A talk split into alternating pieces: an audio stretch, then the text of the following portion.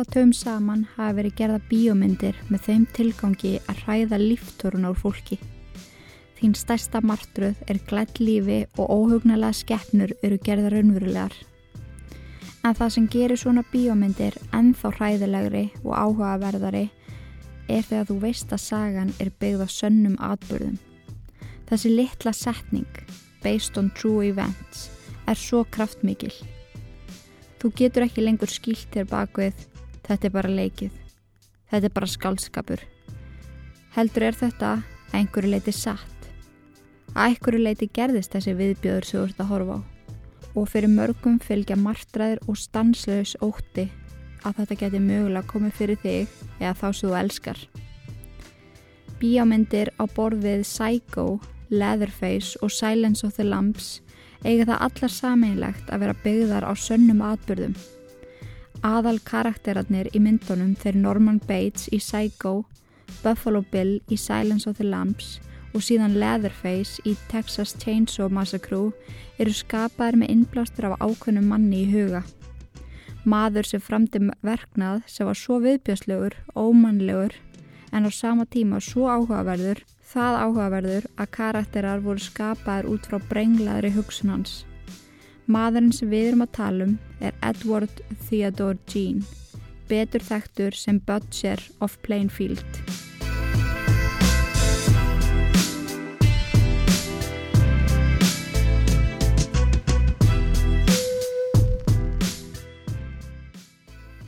En ég heiti Inga Kristjáns og þið eruð að hlusta á Ílverk.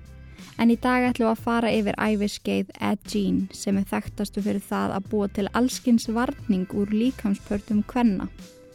Súpuskálar úr höfukúpum, belti úr gerfurtum eða lampaskermi úr afskortnum andlitum. Ég viðkynna að var virkilega áhugavert að skoða máli hans Ed og sjá hægt og rólega þetta hegðunarmynstur sem minna á aðra morðingja sem við höfum rætt um hér í Ílverk. En áður við byrjum vil ég taka fram að þáttur þessi er ekki við hæfi barna. Ég kem til með að tala um morð, ofbeldi, kynferðisofbeldi og fleiri ítverk sem fólk höfðu framið svo ef þú ert viðkvæmur fyrir svoleiðis umræðum skaltu slökkva strax. Færtuasti og fymti þáttur ítverk. Ed Gein. Gjöru þið svo vel.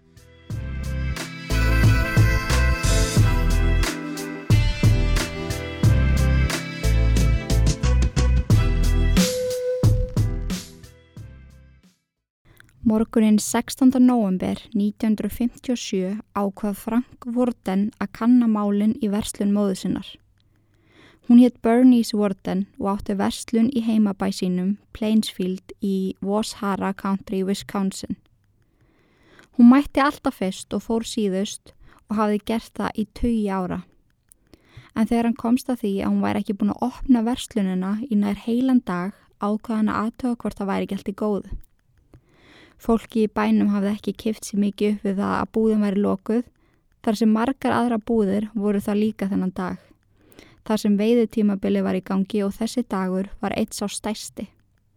Þá fóru bæjabúar að skjóta hrendir í jólumatin. Þegar Frank kom inn í vestlun móðusinnar um femleitið tók á mótunum sjón sem ollunum virkilega miklum áökjum. Kassin var galopin og stór blóðpollur á gólfinu. Hann hafði sambandi lauruglu og rannsóknumálinu fór að stað. Frank var beðnum að rifja upp viðskiptavinni gerdagsins þar sem hann hefði verið að vinna með mömmu sinni. Hann myndi eftir mörgum sem hefðu komið dægin áður, þar á meðal Ed Gein. Hann kom til þess að kaupa frostlög sem var ekki til.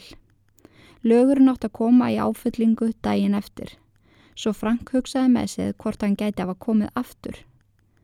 Það var svo farið í gegnum hefti sem að fyldi uppgjörunu. Mamma hann skrifaði þar allar sölur, hver keipti, klukkan hvað og fyrir hvað mikið. Síðasta nafnið sem að hafi verið skrifað í bókina var Frostlugur, Ed Gein. Hann hafði því komið aftur á morgunin til þess að versla. Þar sem þær upplýsingar voru komnar á reynd, neittust þeir til að líta á Ed sem grunaðan mann.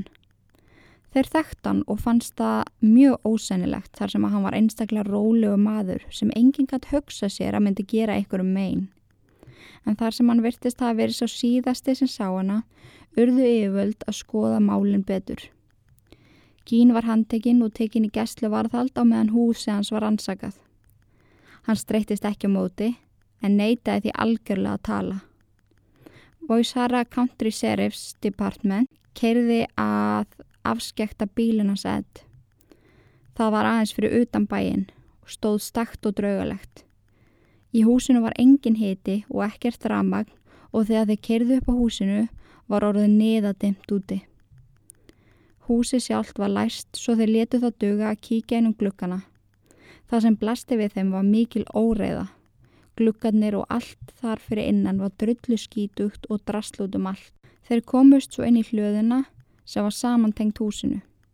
Það var niða myrkur en þeir reyndu að lýsa upp rýmið vas með vasaljósum. Eitt lauruglumannana brá svo heldur betur þegar hann fann eitthvað þungt rekast í sig.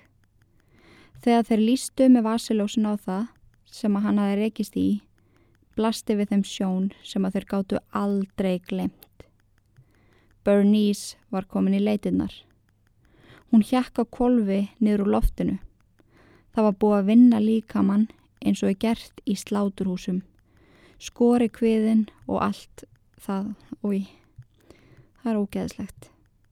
Það var einni búið að skera höfuð af henni. Lauruglumenninir vissu það að þeir urðu að komast inn í húsið. Það var eitthvað mikið meira á baku þetta allt saman.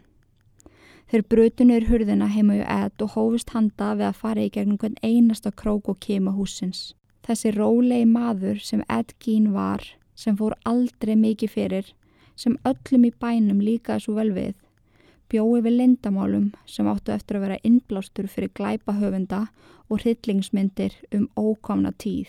Það sem fannst í húsinu voru mannabein, ruslatunna búin til úr mannahúð, stólar sem hann hafi bólstrað með mannshúð, höfukúpur sem hann hafi fest á rungabli sinn, skálar sem hann borðaði úr sem voru búnar til úr höfukúpum, korselett búið til úr mannshúð með brjóstum sömuð á, leggings búna til úr húð, grímur búnar til úr andletum á konum, andletið á Mary Hogan var í brúnum pappisboka en hún hafði horfið sporlaust þrem árum áður og aldrei komið í leitinnar fyrir þarna.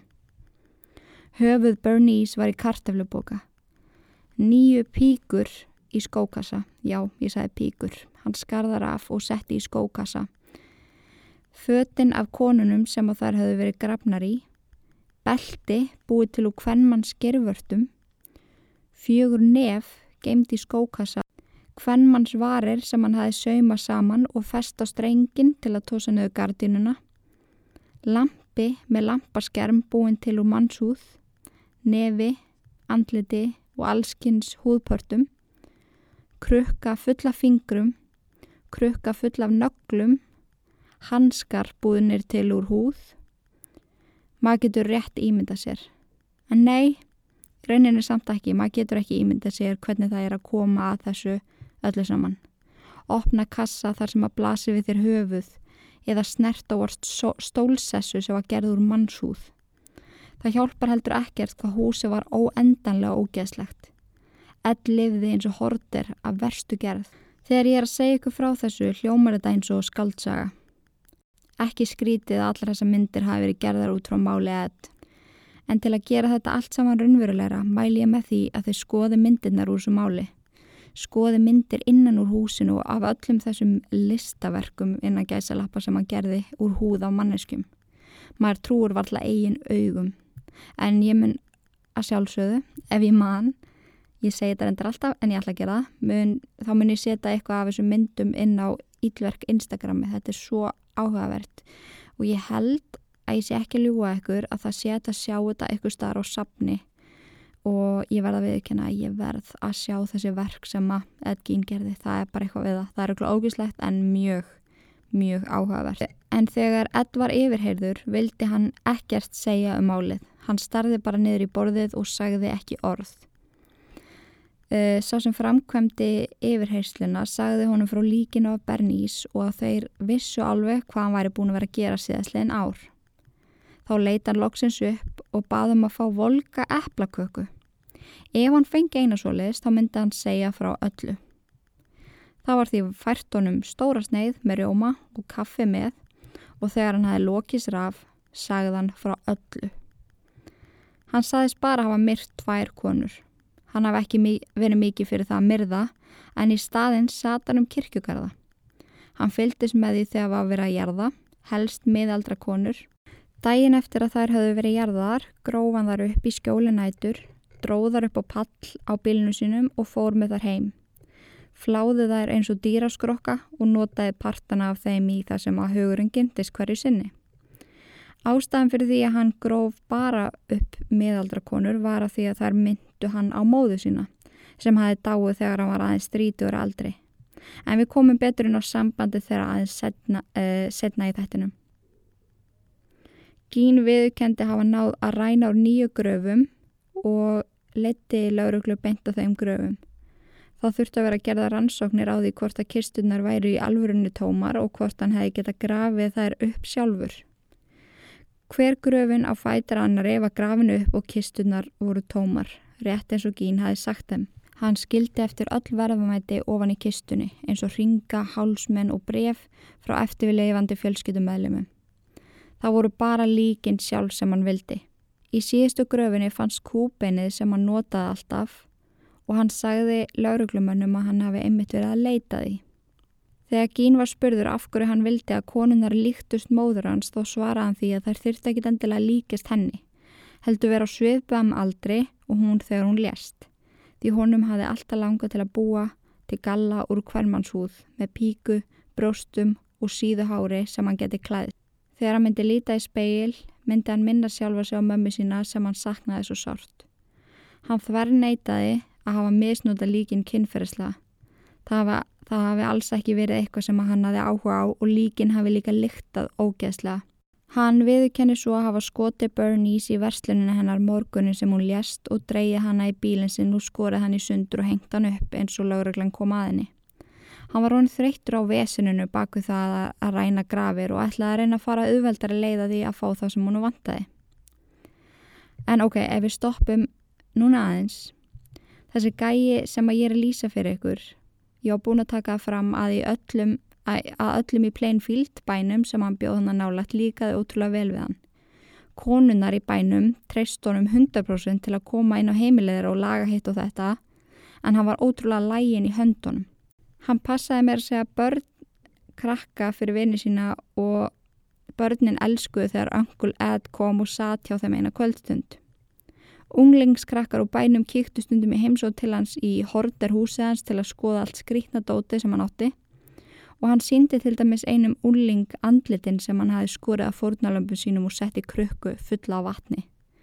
Hann sagði að frendans hefði sendt honum þetta frá útlöndum og þetta veri mjög dýr sapgreipur.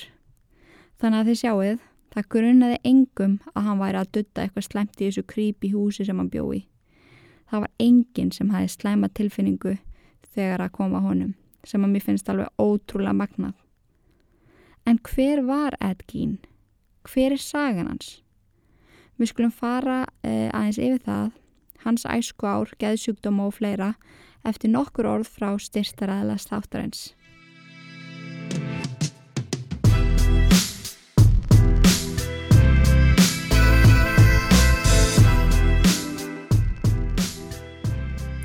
Hvort sem að ykkur vantar ný íþróttaföld í safnið eða ykkur vantar að kaupa jólagjöf handa vinkonu, vini, mömmu, pappa eða bara hverjum sem er, þá langaði mig að láta ykkur vita því að með kóðanum INGAK30 fáið þið 30% afslátt af öllu inn á brandsson.is.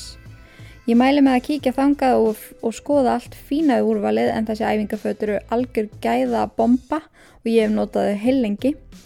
Þannig Ef ykkur vantar að leysa jólakjöf eða bara treat yourself, notið þá kóðan INGAK30 inn á brandsson.is fyrir 30% afslátt. Woohoo!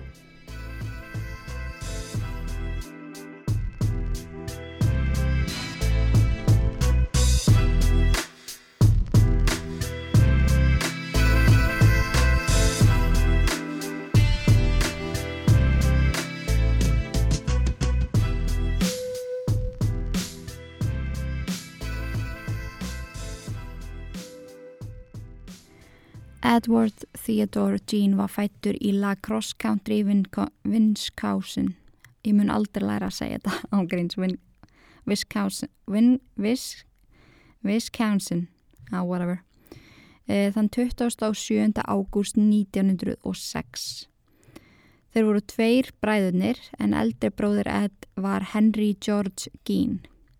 Fólildra þeirra voru þau Ágústa Wilhelmina og George Philip. Ágústa hataði manni sinn og síndi það heiglaust. Hann var langt leittur alkálausti sem að gata ekki með nokkur móti haldi vinnu. Hann hafði unni við að leggja gólvefni, vinna húð af dýrum og gera uh, móttur úr því og einni að selja tryggingar. Hann var rekin á endanum úr öllum þessum vinnum vegna misnótkun hans á áfengi. Hann opnar svo maturveslun sem að gengur svona príðilega vel og rekur hann í nokkur ár áður en hann selur hann aftur og fjölskyttan flitur á æskuheimili Ed þar sem hann átt eftir að búa alla sína æfi í Plainsfield. Ágústa elskaði að hafa fjölskyttunum sína svona langt í burtu frá. Hún ótaðist fátt meira en að einhvað utanaðkomandi myndi trubla þeirra sín á lífið og þeirra framtíðaplun en hún var alveg ofsalega mikill öfgatrúi og hún vissi það að Jésu Kristur hafði útluta henni og sónum hennar einhvað ákveð og hún ætlaði ekki að láta neitt koma í veg fyrir það. Ed mótti bara fara í skólan og koma svo strax aftur heim. Hann eitti helgonu sínum og eftir skóla í að þrýfa húsið hátt og látt og lesa biblíuna. Hún las yfir strákunum sínum úr biblíunu. Það varu bara ítlar sálir sem að drikja áfengi. Djöfullin myndi yfirtaka þá sem að drekka. Hún sagði þeim að allar konur, nema hún, væri hórur og verkfæri djöfusins. Þeir skildu varast konur og áfengi eins og heitan eldin því ef þeir myndu, myndu ekki gera það þá færu þeir líka til helvitis. Hún las fyrir þá okkur um einasta degi upp úr gamla testamentinu og einblýmdi aðala á kaplana um dauðan, morð og mikilvægi þess að forðast djöfulinn. Maður getur rétt ímynda sér hvað þessi strákar örðu fyrðulegir að fá þetta uppeldi. En kennarar edd í skólanum og samnefnendur myndu eftir honum sem þessum þöggla skrítna einstakling sem hló oft algjörlega upp úr þurru. Svona eins og hann væri alltaf að hugsa um eitthvað ótrúlega fyndið en þorði ekki að segja það. Þannig að oft var algjör þögn í kennslistofunni og þá fyrir hann að hlæja. Hann egnaðist nokkra vini sem böðu honum að vera með í leikjum en mamma hans harð bannaði honum að vera með og sagði hann ætti alltaf að neyta svona bóðum. Hún væri hans besti vinur og hún myndi venda hann frá djöflinum. Vinir væri verk, verkværi djöfisins og það væri ekki hægt að treysta neinum. Svo Ed eitti öllum fríminótum að leitna að lesa. Hann náði alveg rosalega góðum árangri í lestri með við aldur. 1. april 1940 deyr pappi Ed. Hjarta hans gaf sig eftir margra ára áfengisneistlu og með fráfalli hans komu engar tekjur inn á heimili lengur. Það var það eina sem að mamma þeirra talaði um strax eftir andlátt eigimannsins hennar. Hvernig ættu nú að koma tekjurinn inn og hvernig við ættum að halda þessu heimili gangandi? Hún síndi engar tilfinningar og ef strákarnir gerðu það skammaði þá. Snemma var þeim kent að bæla niður tilfinningar sínar að þær veru bara fyrir auðmingja og kjallingar. Bræðurnir Ed og Henry fóru fullt að taka að sér alls konar verkefni fyrir bæjabúra. Þeir voru góður í vinnu og fólk hjælt mikið upp á þá. Mættu alltaf á réttum tíma og unnum tíu sinnum meira en þeir hafðu lofað. Henry tók meira að sér að laga hluti fyrir fólk á meðan Ed passaði börn fyrir fólk í bænum en hann elskaði börn og fannst fátt skemmtilegra en að fá að passa þau. Henry kynntist svo einstæðri fráskildri móður sem hann fór að deyta og eftir nokkun tíma ákvaða hann að flytja inn með henni. Hann var hrættur um litla bróðu sinn, hvernig það myndi fara með hann að vera einn með mömmu þeirra alla daga. Ed var því oft vittni af Henry tala illa um mömmu þeirra við kæristuna sína sem særði Ed að heyra. Húnu fannst mamma sín best í heimi Hann vildi ekki, hann vildi ekki hlusta á eitthvað tala íllum hana. Það sem gerðist svo 16. mæ 1944 er eitthvað sem fólk veldir enn fyrir sér í dag, hvort þetta hafi verið allt sem síndist. En Henry og Ed voru að brenna sínu af lóðinni þegar þeir missa algjörlega stjórn á eldunum og það verður þessi stóri sínu eldur. Hann verður það mikill að slökkulismenn eru kallaður á staðin. Ed segi þeim að hann finn ekki Henry í bróðu sinn en eldurinn var það mikill að það var ekki nokkuð leið að komast í gegnum hann að leita af Henry. Hann hliti að býða hinu með við bálið. Þegar slökkulismennir ná loksins á slökku eldin fara þeir í það að leita af Henry sem finnst látin. Þegar líki var skoðað komi ljós ljótir marblettir á höfðin á honum en dauði hans var svo úrskýrður sem slis þar sem fjölskyttan hafi gengið í gegnum svo mikið að enginn vildi flækja máli meira. En það er enn í dag haldið að Ed hafi bara bróðu sinn til óbóta fyrir að tala ítlaða um mömmu þeirra. Og málið þeirra er oft líkt við Cain og Abel sem voru fyrstu sinir Adam og Evu. Og fyrir þá sem hafa ekki heyrt um þetta en þetta er svona basics sem var kent í trúabræðafræði minni mig. En mér finnst þetta mjög áhugaverðu punktur en maður lítur um þetta á mömmu þeirra sem Guð í þessu samengi en Cain og Abel færa fórn til að þókna skuði en Guð tekur fórn Abel fram við Cain. Og Cain verður svo reyður að hann drepa bróðu sinn. Þannig að við getum horta á þetta þannig að hann hafi einhvern veginn verið að venda mömmu sína og vildi bara ekki heyra neitt tala illa um hana. En þarna voru mamma hans og Ed bara tvö, tvö á móti heiminum og rétt eftir að Henry Deyr far Ágústa heila blóðfall sem lamar hana. Ed ákvaða að gera allt sem hann mögulega gaf til aðstöða mömmu sinna í veikindunum og gera allt fyrir hana. Gaf hann að borða, baða hana, bar hana út um allt og sati á henni öllum stundum. Hún hjælt áfram að lesa fyrir hann upp á biblíinu og heila þó hann með alls konar drastli sem skadaði hann ennþá meira. 29. desember 1945 fær mamma Ed annað heila blóðfall sem að líka minn ræður ekki við. Hún lést á heimili þeirra Ed og hann var algjörlega eiðilaður yfir dauðamóðu sinnar. Í jarðaförinni greiðt hann hástöðu með ekka og kallaði Mami, Mami. Hann segir orðrétt að hann geti aldrei jafna sig. Hann hafi mist eina vinsinn og sína einu sönnu ást og núna væri hann aðleitt í öllum heiminu. Ed held áfram að búa í húsinu en passaði að skilja herbyggi móðu sinnar eftir algjörlega ósnert. Hann bjó ekki um rúmið hennar, hún er fast notalegt að vita til þess að var hún sem láð þarna síðast og þannig þeir fengi það að vera. En restin af húsinu varð viðbjöðslara með hverjum deginum sem leið. Það myndi helst að hús hjá virkilega slæmum horter og ef þið hafi hort á horter þættina á Hulu eða bara YouTube þá vitið þið hvað ég á við. Það er til Nasty Horter mælu meðan þáttum bæði það er mjög settir svæn að sjá fólk laga til í þeim. Ed vann alls konar verkefni til þess að eiga fyrir mat og öðru en fólk var ánægt með að fá hans aðstóð hvorstu það var að girða slá eða laga bílana þeirra. Fólk gæti alltaf treyst á góð störf frá Ed og hóaði hann áður en það hóaði í fagaðilega Það kemur ekki fram afgarju, hann fyrir að taka áættuna að grafa upp lík. En sálfræðingar og geðlæknar sem greina hann setna meir haldaði fram að eftir að móður hans dó hafi eitthvað innram með honum sturtlast endarlega. Þetta sé 100% skilgrinning á love-hate sambandi. En hann fer þarna eftir andlátt móðusinnar á fullt í það að skoða bækur um mannslíkamann.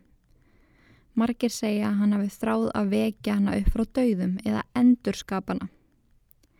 Ed klætti sér oft í leggingsbuksunar sem hann bjóð til úr húðinni af leggjum kvenna sem hann grófi upp, fór svo í sunduna sem hann saumaði úr alls konar líkamspörtum en hann hafði svo saumað brjóst á sunduna.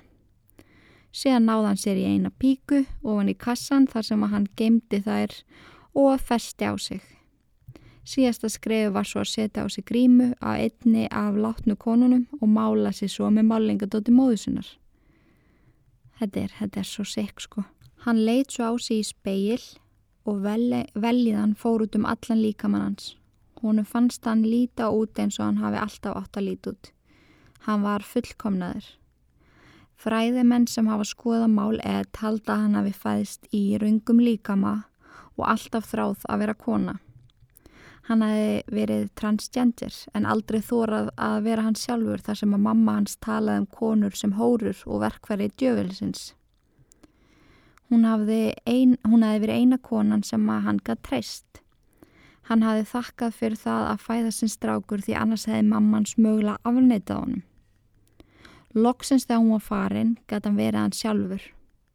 En Ed var aldrei við hvern mann kentur alla hans æfi. Skilgreiningin á því að hann hafi elskað mömmu sína en á sama tíma hatað hana meika líka svo ótrúlega mikið sens. Hún var dóminerandi karakter sem bannaði honum að vera hann sjálfur. Hann og Henry bróður hans þurftu að gera allt nákvæmlega eftir hennar höfði.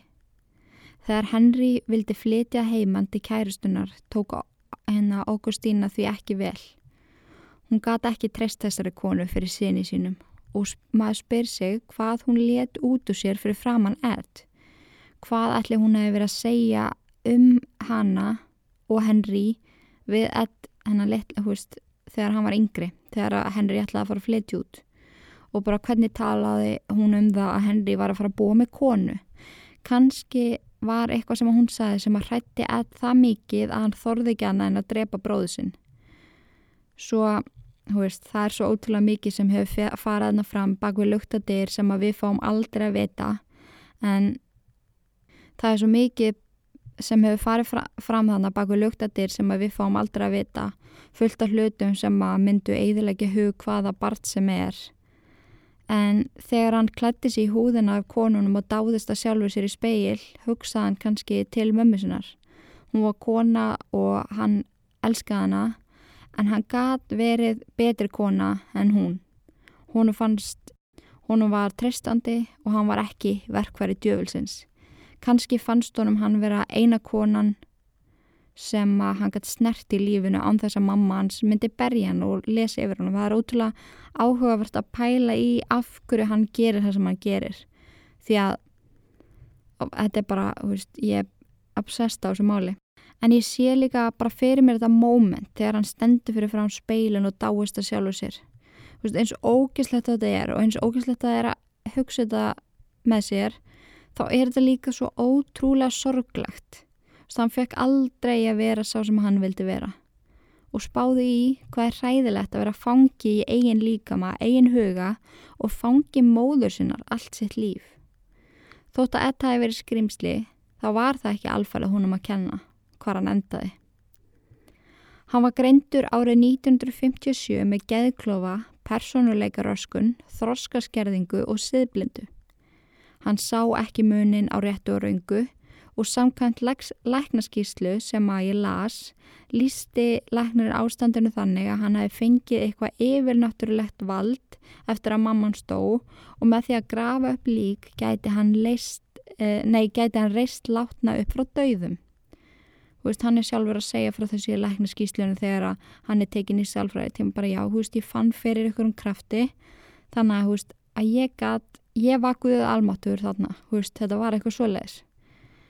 En þegar það tókst ekki að ég endur veki allar þessar konur upp frá dauðum og hann kom svona út úr þessari maníu þá reyndi hann að endur gera móðu sína með þessum líkamspörtum og þetta með yfirlátturleitna vald fannst mér líka svo útrúlega áhugavert, áhugavert en honum hefur hann loksins bara honum hefur loksins liðið eins og hann réði ykkur í sínu lífi í fyrsta sinn eftir að hafa treysta móðu sína allæfi og hann kunni bara ekki að fara með valdið. Hann bar ekki virðingu fyrir neinum. Það einu sem hann vildi gera var að fá að líða loksins vel í rauninni. En vá þetta er svo áhugavert mál. Greiningin sem hann hlaut er svo mögnuð og læknaskíslan er mögnuð og ég skil það bara ótrúlega vel að glæpa höfundar hafi notað hann sem innblástur. En þrátt fyrir allt sem er sagt um Ed Gein leiðir þetta allt að sömu niðurstöðu.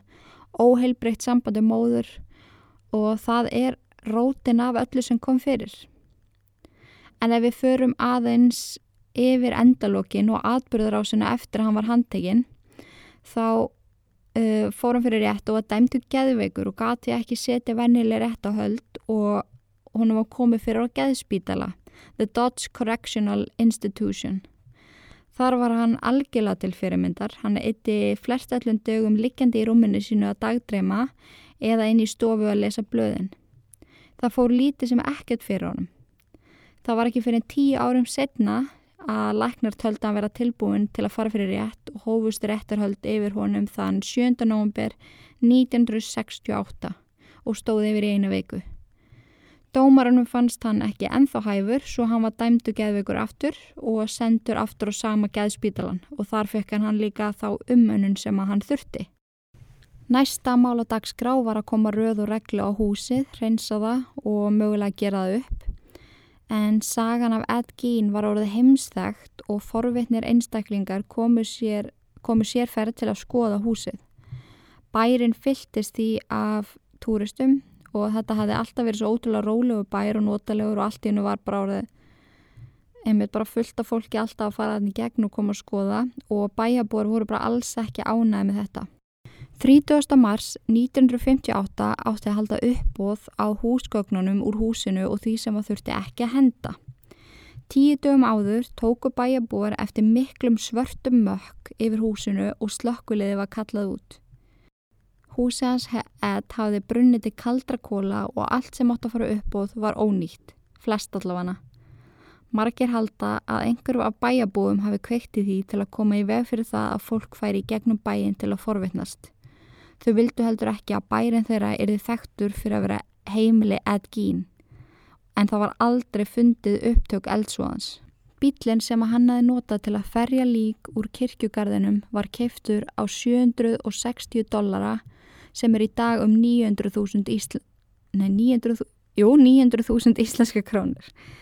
En það var svona karnival fyrirtæki sem kefti bílinn og ferðaðis með hann um landið og rukkaði fyrir það eitt að fá að taka mynd af sér með bílinnum. En það voru stór skildi fyrir ofan hann um, á svona hátíðum, svona karnivals og þar stóð Ed Jeans car og fólk var bara að koma sér ferð keira í fjóra klukkutíma bara til að sjá hann að bíl en Ed lést svo lungnakrabbamennin 77 ára gammal 27. júli 1984. Hann var jarðar við hlið uh, eh, fjölskyttumellima sinna í kirkjugarðinum í Plainfield sem að hann hafi bæðið og oft og mörgusunum grafið upp líki en það var nánast ómögulegt að merkja leiði þar sem að steininu var alltaf stólið. Í dag er gröfin ekkert merkt heldur veit fólk bara að hann liggur hann á milli um, mömmu sinu pappa og, og bróður. En eins og ég saði ykkur fyrst þá hafa verið gerða marga bíómyndi með Ed Gein sem aðal innblástur. Þannig ef ykkur vantar eitthvað að horfa á er kjöri tækifæri að horfa á Texas Chainsaw Massacre. Frábor svona í byrjum vikunar sérstaklega fyrir svefnin líka en þetta var heið marg umbeðna og brjálaðislega áhugaverð mál Edward Theodore Gein Takk fyrir að hlusta, takk fyrir að til og í guðana bænum forðist öll ílverk nema þetta podcast. Bye!